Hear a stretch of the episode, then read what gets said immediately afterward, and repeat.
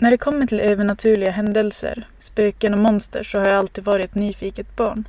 Jag tyckte det var intressant att höra om det och någonstans så trodde jag väldigt mycket på det. Jag pratade om spöken hit och dit i vårt hus med mina föräldrar och även om jag själv visste att det var överdrivna historier och ibland rakt ut lögner så tyckte jag fortfarande att det var intressant. Med tiden så växte jag ifrån den här fascinationen med det övernaturliga och jag mer eller mindre glömde bort den. Jag trodde ju fortfarande på att andar och spöken kunde existera, men jag var mer kritisk än jag var som barn. Allt som jag såg och hörde som jag inte kunde förklara på en gång var inte spöken.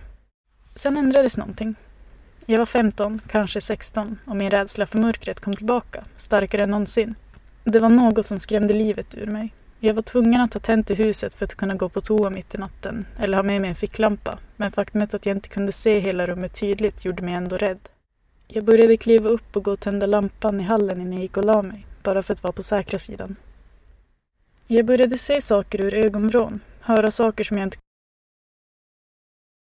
tid i mitt liv, men jag intalade mig själv att det var saker som jag inbillade mig. Lite som hur en klädhög på en stol i ett mörkt rum kan bli ett monster.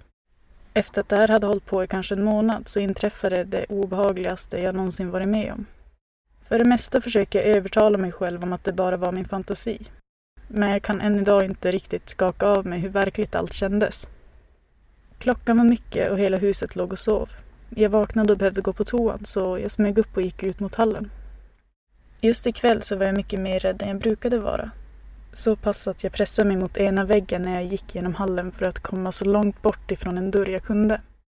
Jag kan inte förklara det, men det var något med den dörren som just ikväll gav mig ren och skär panik. Ljuset från en lampa utifrån sken genom glipan i dörren och inget mer än var annorlunda. Men rädd var jag. När jag väl var på väg tillbaka till mitt rum så kände jag samma dödsrädsla, specifikt för den dörren. På grund av att dörren öppnades emot mig så var jag tvungen att passera den innan jag kunde se in genom glipan. Det kan bara ha varit för att jag var rädd och trött, men jag hade känslan av att dörren var mer öppen nu än när jag gick till toaletten. Återigen pressade jag mig mot den motsatta väggen och hade ögonen klistrade på dörren. När jag väl hade passerat den och såg in i glipan var jag inte bara rädd, utan nu var jag förvirrad också. Ljuset som sken in för några minuter sedan var inte där mer. Nu fanns det bara ett mörker. Det var så djupt och påtagligt så att det kändes som att jag kunde ta på det om jag sträckte fram handen. Medan jag gick försökte jag förstå vad det var jag såg. Det kändes nästan som att mörkret stack ut ur dörren. Som att det var mer en sak än en skugga. Det är den här delen som jag än idag inte kan förstå mig på. Det var en röst som kom från mörkret. Den var hög och tydlig och kom verkligen från dörröppningen. Jag förstod inte vad det var den sa. Vad det än var så var det inte ett språk jag förstod. Det kanske bara var tre meningar. Men jag blev nästintill paralyserad av skräck. När jag väl kom på att jag ville ta mig därifrån så halvjoggade jag baklänges. Jag kände mig verkligen inte trygg med att släppa blicken från dörren. Morgonen därpå frågade jag min syster som sov i rummet bredvid om hon hade hört någonting. Även fast jag visste att ljudet inte kom från hennes rum så var jag tvungen att fråga om det var hon som hade gjort något. Jag kunde inte riktigt fatta vad det var som hade hänt. Om det inte var så att den här händelsen skulle bli ett startskott för andra oförklarliga händelser i huset så hade jag antagit att jag hallucinerat och gått vidare med mitt liv. Men det känns fortfarande verkligt. Alldeles för verkligt. Så. Och vad jag känner mig igen mig Ja. eh, jättemycket i, i med just mörkerrädsla. ja. Vi kan ju börja med att presentera oss för de som inte har träffat oss. Ja. Linn Rick. Och Lisa! och det här är Frizonpodden. Yeah! Eh, Jag spelade ju in det här manuset eh, för några dagar sedan. Mm. Och det låter ju verkligen så här story goosebumps-aktigt. Men jag har faktiskt varit med om det här. När jag försökte spela in det första gången var jag själv nere i gården. Och för er som inte har koll på det så fritidsgården är ju en källare i ett liksom lite halvgammalt hus och det var lite läskigt. Jag var tvungen att avbryta första gången för att jag blev så rädd för mörkret när jag var ensam.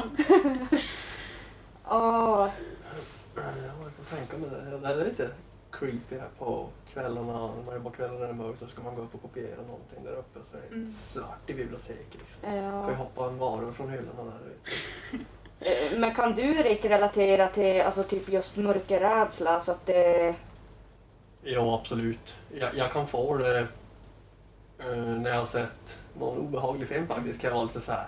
Ja. Typ att jag vill tända, om jag ska bara gå till toaletten. Jag vet det är belysning på toaletten men jag vill ändå tända på vägen dit liksom. Att jag Mm. går som inte. Men där, där har jag sett något obehagligt som verkligen har varit påtagligt så här typ. Ja. Och, Tärt på psyket. ja, speciellt med någon sp- spegel scener i någon skräckfilm och så ska man titta sig i spegeln så att det händer. Ja, det är lite så här. Man tänker på det på ett annat sätt. Ja. Har, Lisa har ju förstått har varit med om lite så här halvobehagliga saker. Ja, gud, det har jag. Ehm, eh, alltså just det här med mörker, jag kommer ihåg en gång alltså när jag var liten och så hade jag glömt trycka för persiennerna och jag hade eh, sängen alldeles framför. Och så sätter jag mig upp och du vet så här, och så kan jag inte låta bli att stirra ut rakt i skogen. Mm. Eh, Alltså man är ju så jävla korkad. Jag vet ju att jag eh, blir livrädd. Och jag ser då någonting, alltså typ, det blir först en björn, sen blir det typ en varg. Alltså det som kommer närmare och så blir det en människa och så jag skutar till mamma och pappa. Det där vet jag inte, kan ha varit en hallucination, det tror Ja. jag att det var. Eh, Men, men däremot har jag varit med om väldigt oförklarliga saker. Eh, Ja, men, sp- jag kan ta specifikt i Västerås eh, när vi hade flyttat dit. Jag bodde då med två andra tjejkompisar. Och det var ett gammalt hus, jättegammalt, som de har gjort om till eh, lägenheter och vi bodde högst upp på vindsvåningen. Mm. Och där, det var jättekonstigt. Alltså, eh, känsla och typ alltid när jag stod och diskade, det kunde börja susa och eh, blåsa och så var det en lucka i toaletten som man måste ha med alltså typ en kniv eller alltså en mejsel för att få upp. Det är typ man, ska, man kan ställa vattnet där, Mm. värmen eller något sånt där. Och av någon konstig anledning så var den där alltid uppe när vi kom hem. Och du vet man fick ta i ordentligt för att få upp den. Till slut tejpade vi fast den. Eh, och sen hade vi, vi hade tre krokar varsin så här där vi hängde smycken. Och så vet jag inte om ni har koll på ja, men typ sådana pärlarmband som det är jättetunna gummi, gummiband i. Det är Mm. typ kanske 10-20 stycken i där, jättetunna och så mm, pärlor Ja. runt om då. Och där mitt i allt eh, så bara eh, går det sönder. Och tänk dig hur många det är i en sån där av små, alla går sönder samtidigt. Det är väldigt, och bara få ut på golvet. Mm. Eh, och en till grej, eh, stod i duschen. Eh, ja men det är just i det där huset, det hände ganska mycket. Jag stod i duschen och bara, ja men duscha som vanligt, men kände någon konstig bara känsla. Men jag En hand där som kom. Ja men det roliga är att alltså, det är så sjukt Rick och Linn. Alltså, det, Tack för att du inkluderar mig. ja men det är för att eh, ja men du, du, eh, du är mer troende än vad Rick är tror jag. Och så när han sa hand, alltså, det, det var som att jag kände en hand komma genom, alltså i, i ryggen och som dra, du vet jag bara kuta ut, naken, sjöblöt, ut ur duschen, ut i, där bland mina kompisar. Jag vet jag är livrädd. Ja. Hade du sett filmen Psycho innan från 1960 så hade du varit ännu mer. Hade varit Det hade, snabbare. det hade varit påtagligare då. Det är det jag menar när man tittar något och så blir man med om något liknande så här i Mm. hemmet. Fan, det är skitobehagligt. Men har du, du tror inte på spöken och sånt här riktigt eller? Alltså, grejen är så här, jag har ju... Svar på min fråga så nej, jag tror inte på, på spöken. Men jag har ändå fått lite så här övertygelse, vänner som har... Jag visade en video till dig och Andreas Mm. där en vän, en, en väns annans vän hade Mm. filmat i- på Karls sjukhus just det. mitt i natten när han jobbade då. Och att det hade varit någon som spelade flöjt på natten där. Ja. Alltså om man hade inte hittat var ljudet kom ifrån liksom. Och, så, så, sådana grejer går ju att fejka absolut, så man tänker så Ja. alltid. Men jag vill någonstans ändå tänka att det kanske, Men det har, kanske finns liksom, det är naturligt. Du har inte varit med om någonting själv? Alltså någonting som har fått dig bara en sekund att undra? Jo, jo faktiskt. Jag, jag och några vänner var för många år sedan till eh, sanatoriet i Boden. Där, Sanat- där Ja. tuberkulos Ja, just det. har patienter dog varit som flugor liksom förr. Ska vi göra en vlogg och fara dit? Ja! Jo, och då såg jag såna här, om, har ni koll på vad en orb är för något? Alltså en sån här en sån här boll. boll Ja, som kommer mm. och Ja. fick jag höra att det sägs att det andar i närheten om man säger sånt där. Mm. Och då såg jag väl i själva genom byggnaden så var det som fönster och så där. Jag såg en skugga som gick ganska snabbt mot dörren Mm. i en hastighet som inte vi gick i. Men jag vill ändå tro att det var min polarskugga liksom. Men, Men, samtidigt, man undrar ju lite ja, grann. man började Mm. fundera så här, var det det? För den gick väldigt så här aggressivt och ingen gick på det sättet. Så att, Om ja, lite konstigt. går tillbaka till historien jag berättade här. då. Så det, jag nämner ju i ljudet att det här var ju lite av ett startskott i det där huset för andra grejer. Och jag övertalade mig själv om att det här är ingenting, det är min fantasi. För att jag kunde ju se typ när jag gick förbi den där dörren att det var någonting där och så sen när jag tänker efter bara, men det var ju en liten flicka liksom. Ja. Och så har jag en väldigt tydlig mental bild, men jag vet att mina ögon såg inte en sån tydlig bild, så jag bara, men det där är bara min hjärna som fyller i hålen typ. Ja. Mm. Eh, och så brukade jag liksom, det blev rutin i typ två, tre månader att se den här lilla flickan, oftast då genom den där dörren som jag såg den här skuggan. Eh, och sen just på mitt rum, eller typ badrummet, så kunde jag se typ en 40-50-årig man. Men han var bara en skugga medan den lilla tjejen var mycket mer tydlig. Ja. Så jag gick ju typ runt i huset i så här två månader och bara, ja, där är tjejen. Good vibes. Det här är bara min hjärna dock, jag behöver inte vara rädd. och så var det manliga spöket lite mer läskigt för att det var ju liksom en stor typ bond-vibe av han så här muskulös, skallig, lite Mm. så här bara stå och stirra på en. Kanske inte det trevligaste. Men jag blev ju så van med att se de här sakerna så att jag kunde typ sitta och läsa i mitt rum på kvällen titta upp och så ser jag en silhuett mot dörren av Ja. den här mannen. Och jag har ett sånt tydligt minne att jag typ bara, ah, ja, det här är ett perfekt, perfekt tillfälle att testa min teori om det här är min hjärna. Släckte jag bara lampan och tände igen och det var borta. Jag satt och analyserade och bara, finns det några mönster som det kunna vara? Och bara, nej, det var nog ett spöke. Mm. Så vi pratade om det här sen vid middagsbordet någon dag. Och det var min lilla syster som hade tagit upp det och bara Alltså det spökar i det här huset. Jag typ bara jo fuck yeah. och så hade hon beskrivit den lilla flickan. Och så Nej. beskrev jag Karen. Ja. Alltså, vi, det var en sån obehaglig grej.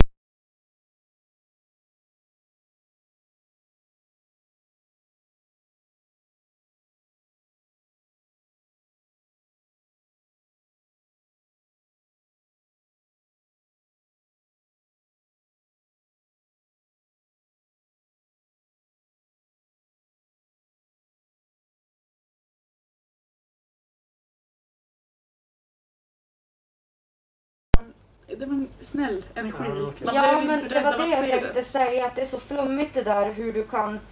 Eh, alltså du känner ju om det är ett obehag eller om Mm. det är alltså, vad ska jag säga, friendly. Alltså, eh, alltså jag har så många historier att berätta. Ja. Eh, jag vet bara i Västerås där, eh, det är en kompis till mig, hon jobbade där, ja skitsamma, men hennes brukare dog.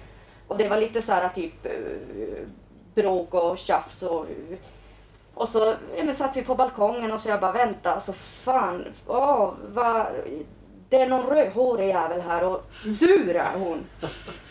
Och så säger då min kompis bara, alltså hon, min brukare var rödhårig när hon var ung. Jag bara, what? jag bara, ja. Eh, men det är så flummigt i huset i Västerås, eller i Risön, det här är inte länge sedan. Eh, Nu när jag jobbar här.